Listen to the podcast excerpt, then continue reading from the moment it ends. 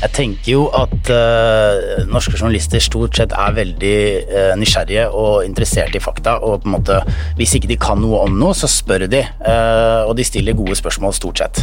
Men det er klart, du kan stille enda bedre spørsmål da, hvis du vet litt om det du skal dekke på forhånd. Det er så elendig journalistikk at det nærmest burde gått inn i komibøkene. vet du. And I want you all to know that we are fighting the fake news. Phony, fake, fake.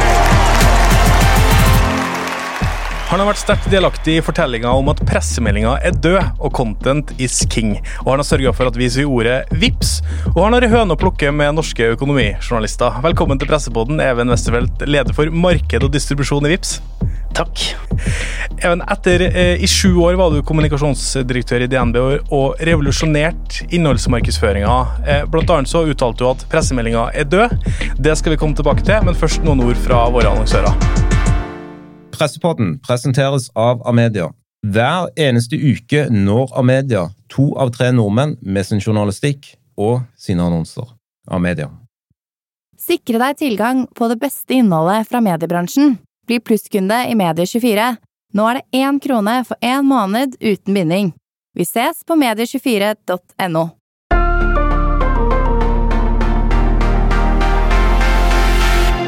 Even, du mener at forbrukerjournalistikk på økonomi, finans har vært systematisk forsømt av norske medier. Hva, hva mener du med det?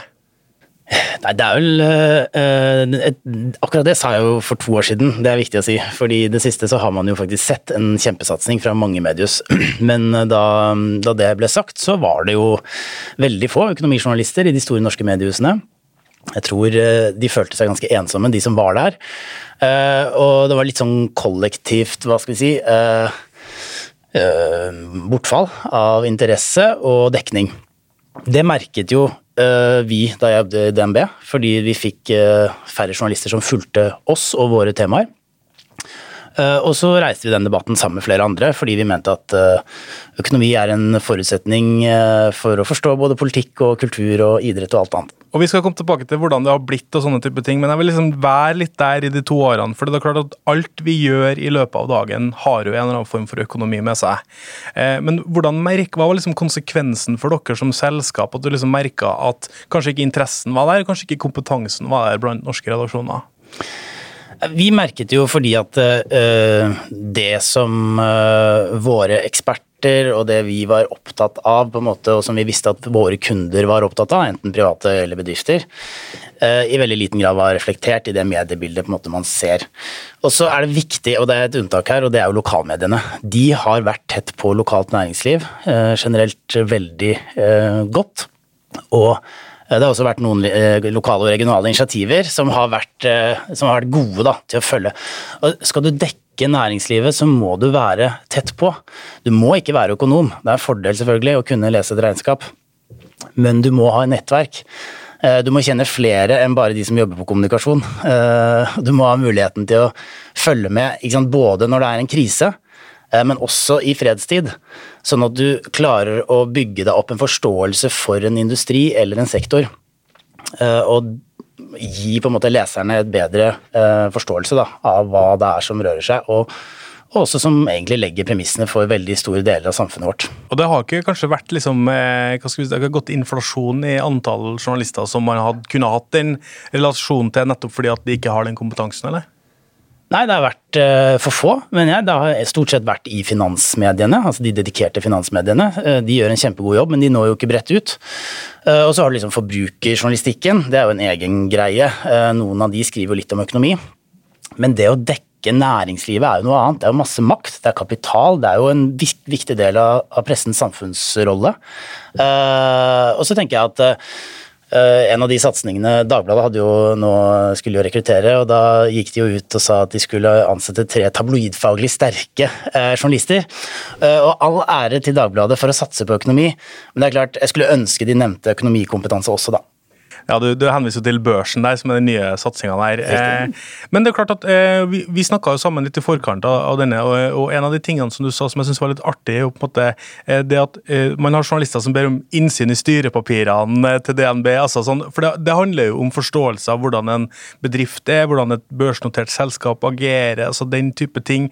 Eh, er ikke det litt sånn bekymringsfullt at vi har en, så mange journalister som ikke kan noe om den viktigste liksom, ja, næringa vi har? da? Jeg tenker jo at uh, norske journalister stort sett er veldig uh, nysgjerrige og interessert i fakta. Og på en måte, hvis ikke de kan noe om noe, så spør de. Uh, og de stiller gode spørsmål stort sett. Men det er klart, du kan stille enda bedre spørsmål da, hvis du vet litt om det du skal dekke på forhånd. Eh, og jeg husker godt jeg fikk spørsmål, ikke sant? sånn som du sier da, eh, med offentlighetsloven liksom i hånd, og begjære innsyn i styredokumentene til et børsnotert selskap. og det er klart, Da har du ikke den forståelsen for hvordan ulike sektorer fungerer. da. Og Det gjør kanskje også noe med hvordan man som kommunikasjonsavdeling altså du må, En ting er hva du skal kommunisere som selskap, en annen ting er kanskje også at du må drive opplæring av journalister. og så opplever du kanskje at det er ikke den samme journalisten som ringer i morgen, ikke den samme som ringer dag tre. Altså, hvordan, hvordan er det som selskap? Det, må, det, er sikkert det verste journalistene vet, en annen kommunikasjonsfyr som skal belære dem. og det håper jeg jo på en måte at uh, vi som kommunikasjonsfolk uh, unngår. Men jeg vet at det skjer, og jeg har sikkert uh, gått i den fella selv. Fordi at du blir litt, kanskje litt oppgitt eller lei av å forklare liksom, ting du tenker på, er basic. Men det er jo også måte, Vi kan jo ikke skylde på mediene. Eh, jeg mener eh, Nå tok jo DNB litt sånn skjeen i egen hånd og startet sitt eget måte, hva skal si, innholdsproduksjon rundt økonomi eh, og, og næringsliv. Men, men det er jo også næringslivets jobb å åpne mer opp og invitere pressen inn. Eh, å være flinkere til å dele eh, det vi holder på med og det næringslivet driver med, og den måte, transformasjonen som skjer. Og så er det selvfølgelig eh, viktig at mediene ikke bare dukker opp når det er regnværsdager. for jeg tror det, er litt sånn som helsesektoren. ikke sant? De klager over at all mediedekningen handler om når det er krise i helsevesenet. Og så er det så mye bra som skjer. og så kom korona, og så måte, skjønte vi hvor mye, mange helter som jobbet der det er jo tross alt mye bra som skjer i næringslivet, og innenfor mange sektorer så er det høy innovasjonsgrad. Norsk eh, næringsliv er ganske langt frampå i mange sektorer. Det får man ikke inntrykk av av å på en måte lese mainstream Nei, det kan jeg ikke si, men hva? Norske medier. I denne posten, posten kan du si det. Eh, en, en ting som, eh, Og så har det jo skjedd ganske mye på de to årene så, altså, siden dere starta DNB Nyheter og begynte å satse opp i det. Altså, Vi har en historisk satsing på økonomi og næringsjournalistikk overalt, egentlig. Eh, de gasser opp i E24 med Skipsted, Aftenposten, altså de kobler sammen alt sammen der. Du har Børsen i Dagbladet og mitt annet. Finansavisen oppe og står, DN i shape, altså, altså alle sammen satser på denne type ting. Hva, er, hva tror du er, liksom, blir effekten av det at vi nå får opp et fagmiljø redaksjonelt sett som dekker den sektoren? Ja, Du glemte jo NRK, som jo også har satset, eh, med en glimrende økonomikommentator. Og, som har, og det er også interessant, hvem, hvilken kommentator i NRK er det som har vært mest uh, i ruta uh, det siste halvåret?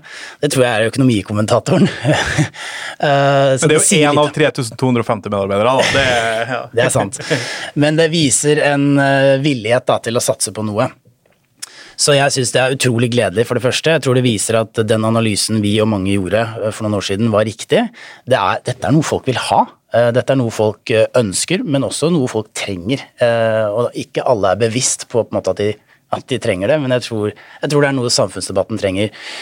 Og så håper jeg jo at resultatet er uh, høyere kvalitet, men også mer uh, altså volum. Altså det handler om å, om å, få en større på en måte bredde i dekningen. Og selvfølgelig også mer kritisk journalistikk på, på norsk næringsliv. Det tror jeg er uh, sunt og viktig.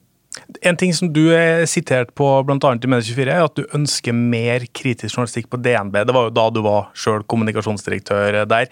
Er ikke det litt rart å liksom gå ut til pressen og spørre gi oss mer kritisk journalistikk? Altså, betyr det at, du, at dere egentlig liksom blir, blir litt sånn pusa med, eller?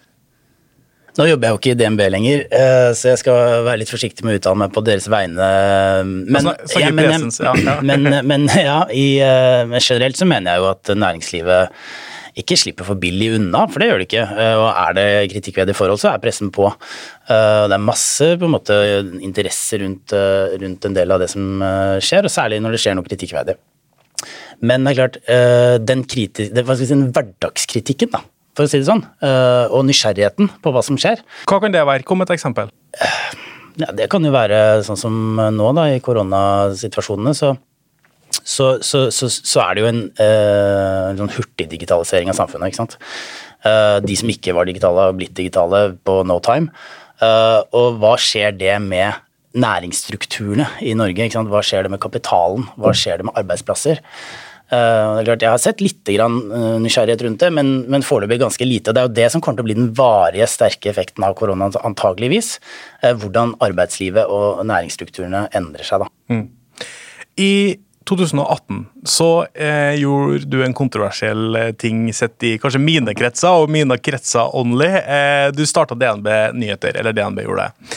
Eh, og DNB Nyheter, for dem som ikke vet det, er jo en eh, ja, inhouse-byrå for, eh, for kommunikasjon og innhold i DNB, som, som lager, og mange vil bli sikkert provosert av at jeg sier det, men forbrukerjournalistikk eller forbrukerinnhold på liksom ulike, ulike ting. Hva var dere ønska å oppnå med DNB Nyheter når dere starta opp det? Det var jo øh, et ønske om å hva skal jeg si, gjenskape den kontakten som vi har hatt med kundene våre i filialene, men i en mer digital form. Rådgivningen som du fikk av øh, bankkontakten din på et eller annet tidspunkt i livet, den får du ikke lenger, for du snakker ikke med øh, vedkommende, møter ikke med vedkommende. Men den kompetansen og den, de rådene, de trenger du fortsatt. Så, så det var ett, på en måte, en driver for å starte DNB Nyheter. Eh, eh, og den andre driveren var jo at vi kunne. på en måte Dagens teknologi og distribusjon gjør at det er mulig. Eh, og derfor så kommer flere til å gjøre det samme. Eh, jeg tror i løpet av de to årene tror jeg vi hadde 30-40 selskaper på besøk for å se hva vi holdt på med. Eh, så, så jeg tror ikke vi er de første. Og til slutt så har det jo på en måte den delen som går på at vi opplevde at det var for lite interesse, sant, som vi har snakket om, rundt deler av det vi drev med. I den tradisjonelle pressen, ja. Mm. Ja, og, og da mener jeg at er- da, da, da kan du ikke sitte og klage på media, da må du heller gjøre noe selv. Eh, også, dette er jo blitt en ikke ubetydelig eh, kan du si, nettside, eh, som har liksom flere millioner sidevisninger, altså man når ut bredt. Eh, og så er det blitt et økosystem hvor det ikke bare er nettside, men det er apper, det er influensere, det er podkast. Altså det er et helt univers. Eh, hvorfor var det viktig?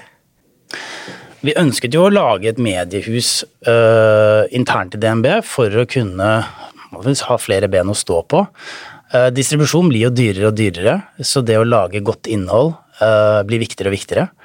Eh, og så kan du si at DNB er store og har muskler osv., men dette var jo først og fremst en omprioritering. Jeg flyttet jo egentlig det, det, de som jobbet med kommunikasjon og mediehåndtering og PR og innsalg og sånn, eh, gud forby, eh, til, eh, til innholdsproduksjon. Det var egentlig det vi gjorde. Eh, og, og det skiftet der var jo også en intern si, eh, reise for DNB. For vanligvis så har du sjefer som har lyst til å være i avisen, og så sier vi at ja, men du trenger ikke å være i avisen, du kan, eh, du kan bli intervjuet av en kollega. Uh, så er jo det litt fremmed. Um, men så har man jo sett at det har gitt effekt, at det har vært mulig å på en måte få ut flere ting som ikke vi hadde egentlig som ikke var interessant for mediene, og som egentlig kanskje ikke mediene burde bruke tid på heller, men som likevel var relevant for kundene våre, kanskje, da. Også dette skaper jo selvfølgelig kritikk eh, og, og altså en kontrovers i en relativt konservativ bransje som mediebransjen faktisk er. Det er jo litt sånn rart å kalle mediebransjen konservativ, men vi er jo ikke first eh, adapters, for å si det sånn. Eh, vi, det kom jo en kritikk annet med at nå skal dere intervjue hverandre, frarøve journalistene muligheten til å stille kritiske spørsmål osv. Hvordan, hvordan tok dere imot det? Det var jo litt ventet, eh, og, og ja, vi sa at vi ikke skulle sende ut pressemeldinger mer, men vi la jo ut innholdet vårt på vår egen webside, så det var jo ikke det var ikke slutt, vi skulle jo ikke slutte å kommunisere. Men vi Det er jo Jeg vil være litt sånn kynisk, det er jo rasjonelt eh, hvis du har muligheten til å nå bredt ut selv. Så er det rasjonelt å bruke den muligheten. Men det er jo ikke riktig å bare gjøre det. Altså, Du kan ikke slutte å snakke med journalister. Eh, Og det håper jeg ikke at noen journalister heller opplevde, at liksom de ble nedprioritert til at vi sluttet med på en måte det. Så det har med samfunnsforståelse og forståelse av rollen i samfunnet å gjøre, og DNB er en stor aktør osv. Men men det er klart, i en uh, kritisk situasjon da, hvor um, du opplever at mediene løper i frokk, og de på en måte er bare opptatt av én ting, så må man håndtere det og svare på alle spørsmål. Eh, så er det ikke alt man kan svare godt nok på, men man må i hvert fall prøve.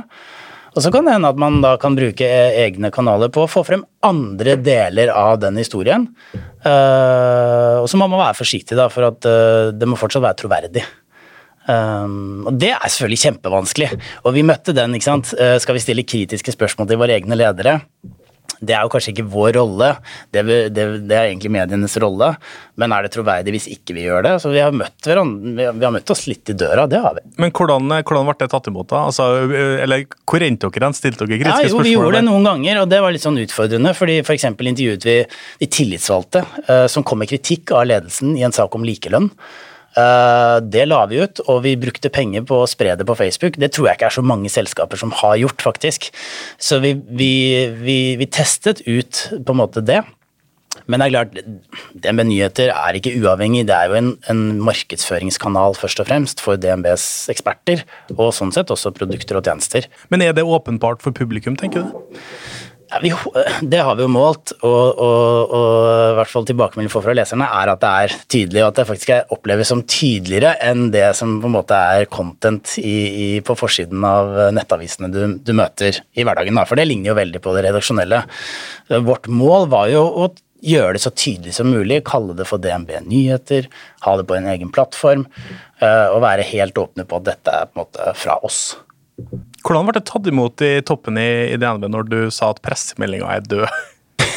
Jeg tror det var noen som satt uh, morgenkaffen litt, litt i halsen. Men jeg mener faktisk det. Nå er jeg jo i Vipps, så vi sender jo ut pressemeldinger, så vi får se hva vi gjør med det etter hvert. Men, men uh, jeg, jeg tenker sånn at hvis du har noe på hjertet, så er det veldig fint å ta, ta opp telefonen og ringe noen, eller sende en mail til noen og, og høre liksom, er dette interessant. Og det gjør man jo, det, det gjør jo kommunikasjonsrådgivere mye. Men liksom, hvis du har noe på hjertet som du vil at alle skal få vite samtidig, så er det for det første ingen som uh, gjør noe stort poeng ut av det.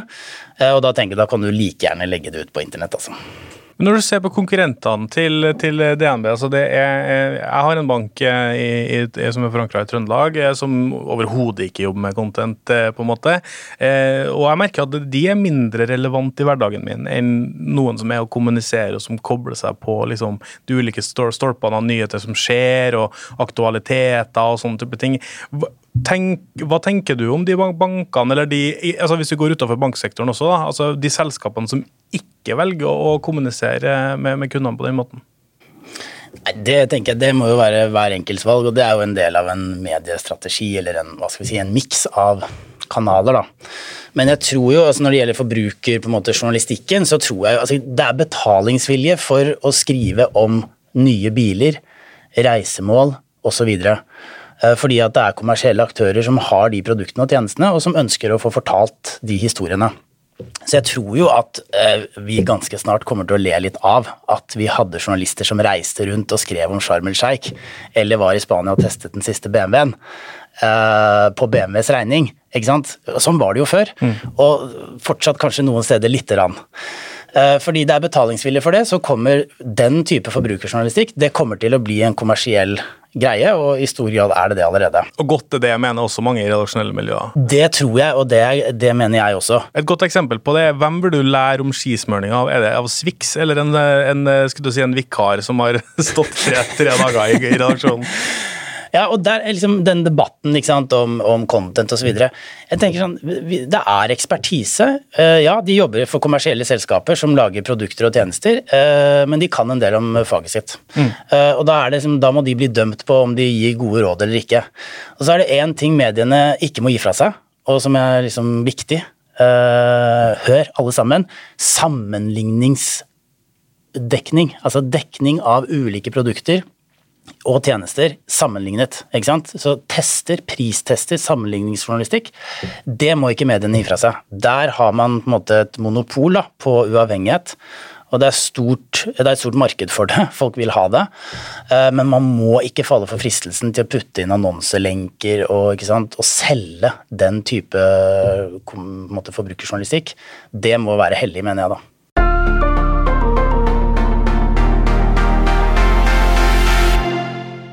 Pressepodden presenteres av Amedia. Hver eneste uke når Amedia to av tre nordmenn med sin journalistikk og sine annonser. Amedia.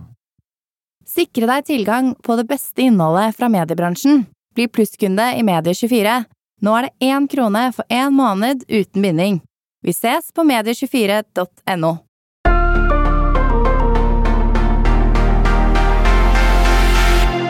En del av de tingene som eh, en kommunikasjonsdirektør eller en leder eh, som jobber med kommunikasjon skal være god på, så er det å bygge omdømme både for sitt eget brand, men også for seg sjøl, på en måte. Eh, en ting som jeg har alltid hatt sånn inntrykk av at du driver med sånn det du tar blir til gull, på en måte.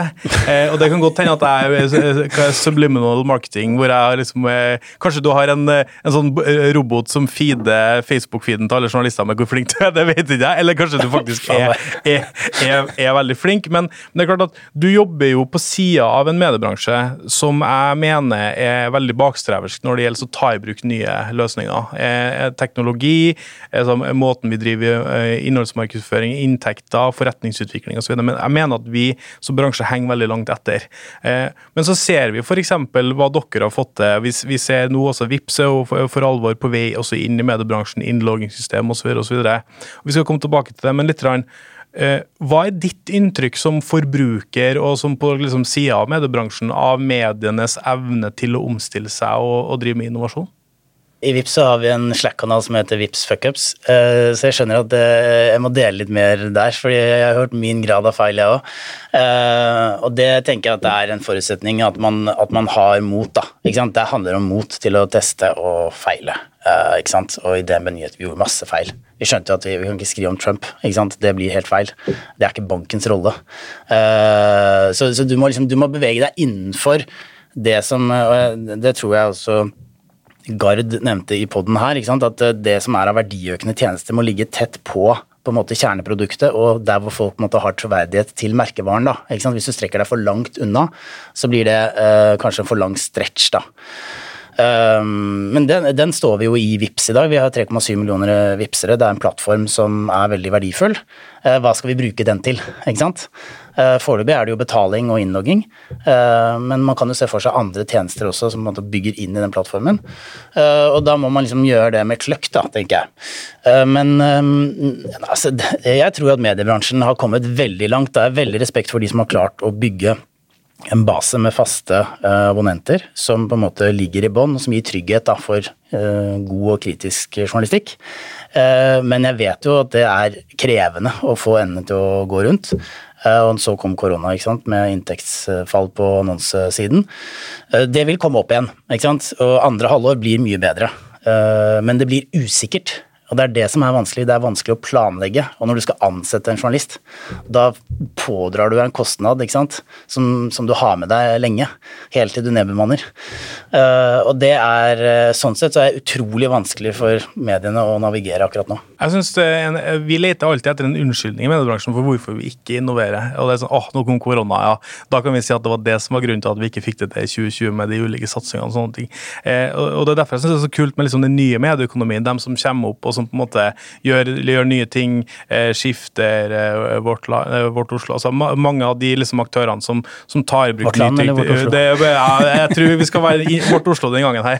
ja, Vårt land har også gjort mye bra. Det har de absolutt gjort. Men, men, jeg tenker jo at en av de tingene som jeg tror blir ganske viktig framover, er at vi tør å ta i bruk nye forretningsmodeller. Men som du sier, at vi ikke vi skal ikke drive eiendomsselskap. Liksom. Det, er ikke det, det er ikke derfor vi finnes. Vi finnes for andre grunner enn det. Men hvilken, hvilket konkurransefortrinn tror du den troverdigheten og tilliten som mediene har, kan brukes eh, framover for, for å skape ny forretning? Det, det, er jo det man må For det første så må man ikke selge troverdigheten. ikke sant? Det mener jeg det, Jeg er jo statsviter, jeg er liksom litt opptatt av mediens rolle, selv om jeg er kommunikasjonsfyr. Jeg tror det går an å være begge deler, da. Så du må ikke selge troverdigheten, og det mener jeg dessverre at noen gjør lite grann. Eh, og det ødelegger litt, for, også for, for, andre. Men gitt at man klarer å bevare den troverdigheten, da, som tross alt i Norge er ganske høy til media, sammenlignet med f.eks. USA, eh, så tenker jeg at det er ganske stor frihets, det er ganske store frihetsgrader. Merkevarene er sterke, og plattformene er sterke. Uh, og jeg syns jo uh, det å tenke bruk av data på andre måter uh, er Og ikke for å selge altså, Mediene har vært gode på å bruke data for å selge meg reklame. Ikke sant? Så det er de gode på. men det å bruke data på andre måter og være mer en plattform og tenke hvordan de kan måte, koble Uh, produkter og tjenester med uh, forbrukere eller bedrifter med andre bedrifter uh, osv.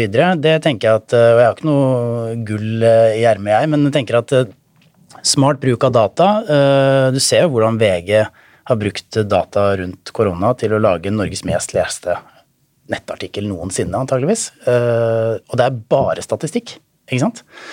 Så det å bruke data smart og se hvordan man kan på en måte koble uh, nye tjenester inn på det, det tror jeg, det tror jeg har, eh, der tror jeg det er mye å utforske. da. Mediebransjen har eh, diskutert felles innlogging, vi har diskutert eh, teknologi og vi har diskutert liksom, muligheter for at vi kan sammen bli enige om én teknologisk standard som alle sammen bruker, enten du heter Amedia, Skipsted, Polaris eller osv. osv. Eh, så lenge jeg har jobba med mediejournalistikk som begynner å strekke seg mot fire år, eh, så har jeg sett at åh, nå skal vi snu bunken, for nå skal vi prate om det der en gang til. Eh, og det det ender opp med, at det er ingen som gjør noe som helst. Eh, og så ser vi kanskje at noen kommer opp på sida her. Eh, hva tenker du som representant fra VIPS om at vi ennå ikke har noe felles innlogging i mediebransjen? Jeg tenker at samarbeid er en forutsetning for å klare å overleve.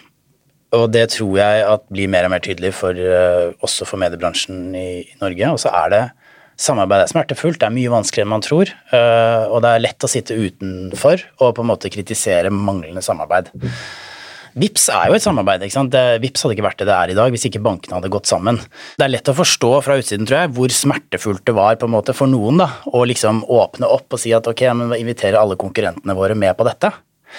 Samtidig så skjønte vi at det var en forutsetning for at dette skulle overhodet overleve, og at vi skulle kunne kapitalisere på det vi hadde skapt. ikke sant? Så for, Fram til da så var det jo bare en investering.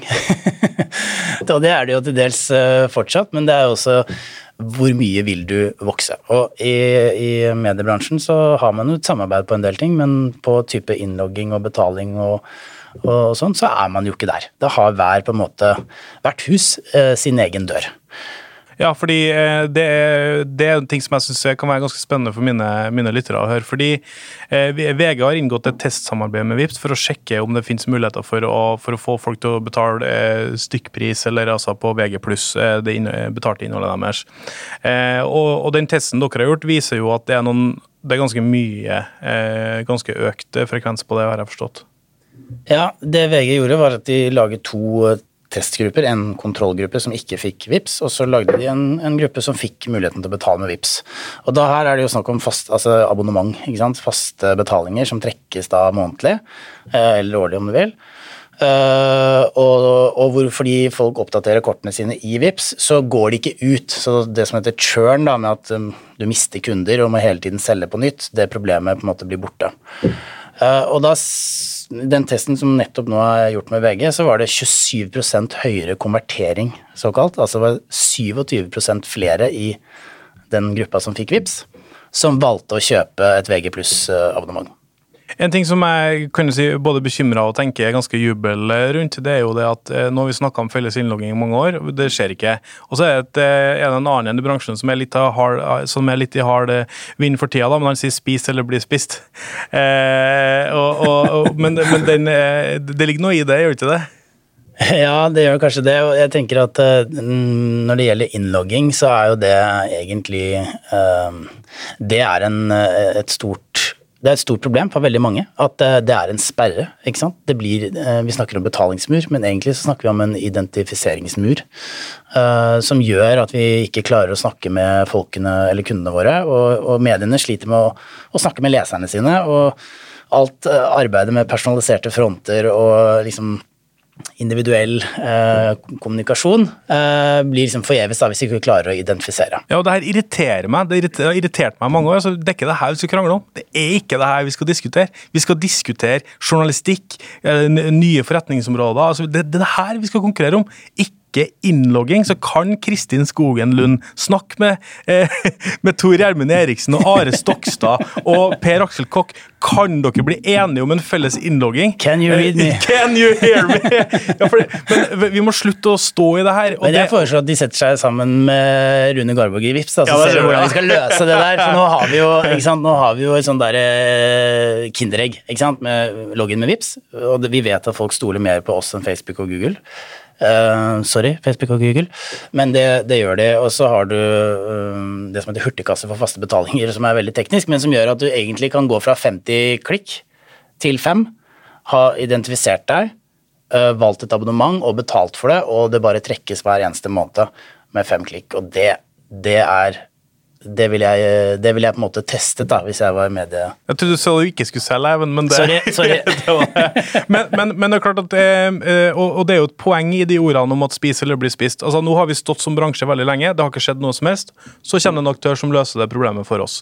Eh, Aksel Springer-konsernet i Tyskland har jo sagt eh, dette ganske mange år, eh, at de eh, hadde behov for å eh, samarbeide om innlogging. Det de gjorde, at de gikk sammen med eh, altså mediebransjen, banker, eh, altså alt fra liksom jernbanen osv. Alle sammen gikk over på ett system. Og så vet jeg at ideen var bedre enn gjennomføringa, men, men det viser jo bare at vi er 5,1 eller annet millioner brukere i dette landet. Det er ikke det her vi skal krangle om. Eh, ja, men nå, jeg, skal, jeg skal ikke si noe mer om det, men, det, men Jeg er enig.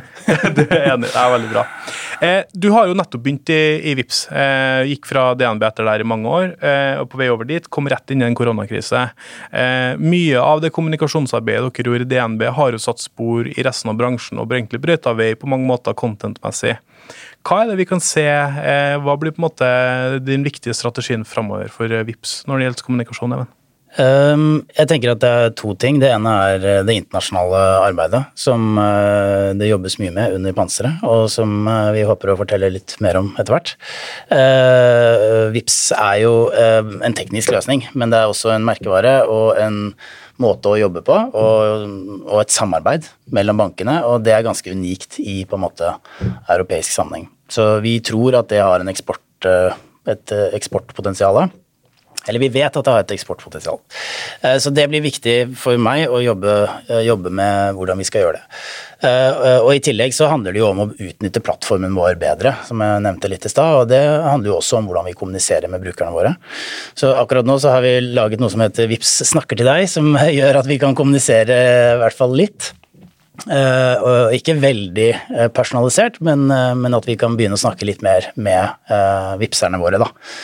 Og det handler ikke om reklame, i, hvert fall ikke nå, og tror jeg ikke på en stund, men det handler om hvordan du kan bruke Vips i hverdagen til å forenkle på en måte betaling og fortelle om nye tjenester osv. Som, vi- som vi lager. Og så har vi jo en ambisjon om å på en måte delta kanskje i enda større grad i samfunnsdebatten rundt digitaliseringen av samfunnet. Vi er jo både appen, og så har vi BankAksept og BankID i samme selskap. Og det er også litt sånn unik konstruksjon i, i europeisk sammenheng. Eh, og vi så jo nå i koronatider hvordan det at Norge har f.eks. en bank-ID som er anerkjent i både det offentlige og det private, gjorde at vi kunne stable på beina en støtteordning for småbedrifter i Norge eh, raskere enn noe annet land i Europa. Og I Italia så tror jeg de fortsatt ikke har fått ut pengene eh, til selskapene som har søkt. Eh, og det er klart, da, da er det mange som går konkurs underveis.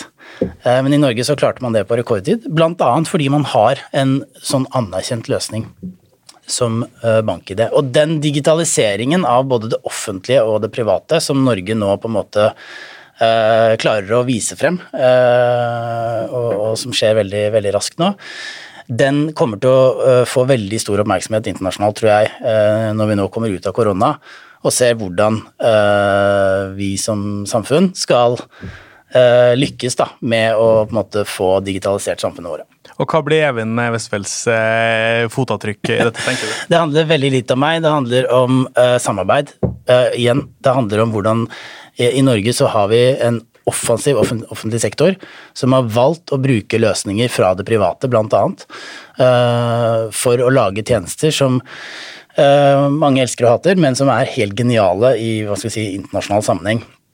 Så i USA så får du en sjekk uh, med signaturen til Trump, mens i Norge så har vi på en måte Nav, vi har ID-porten, uh, vi har uh, skattemelding digitalt. Vi, har, vi, er et gjennomdigitalisert samfunn. Eh, det reduserer kostnadene og øker effektiviteten, og den debatten vil vi gjerne være med i, da. Og du skal kommunisere også der, men kan vi se for oss at pressemeldinga er død snart, eller? Og det har jeg ikke begynt å diskutere internt ennå, så det får vi ta når det kommer. Jeg tror i hvert fall at vi kommer til å satse mer på content, og jeg tror vi kommer til å prøve å få mer ut av markedsføringskronene eh, fremover og bruke dem enda smartere, fordi det er klart det er en knapp ressurs også i eh, VIPS. Vi må forvalte pengene våre riktig. Høres godt ut. Takk for at du stilte opp i pressepodden Even Nestfeldt. Reaksjonen består av Even Hiet. Barka, Ingvild Fylling, Erik Votland og Jan Magnus Weiberg Ørdal. Teknisk ansvarlig Sebastian Manrikes. Vi høres plutselig.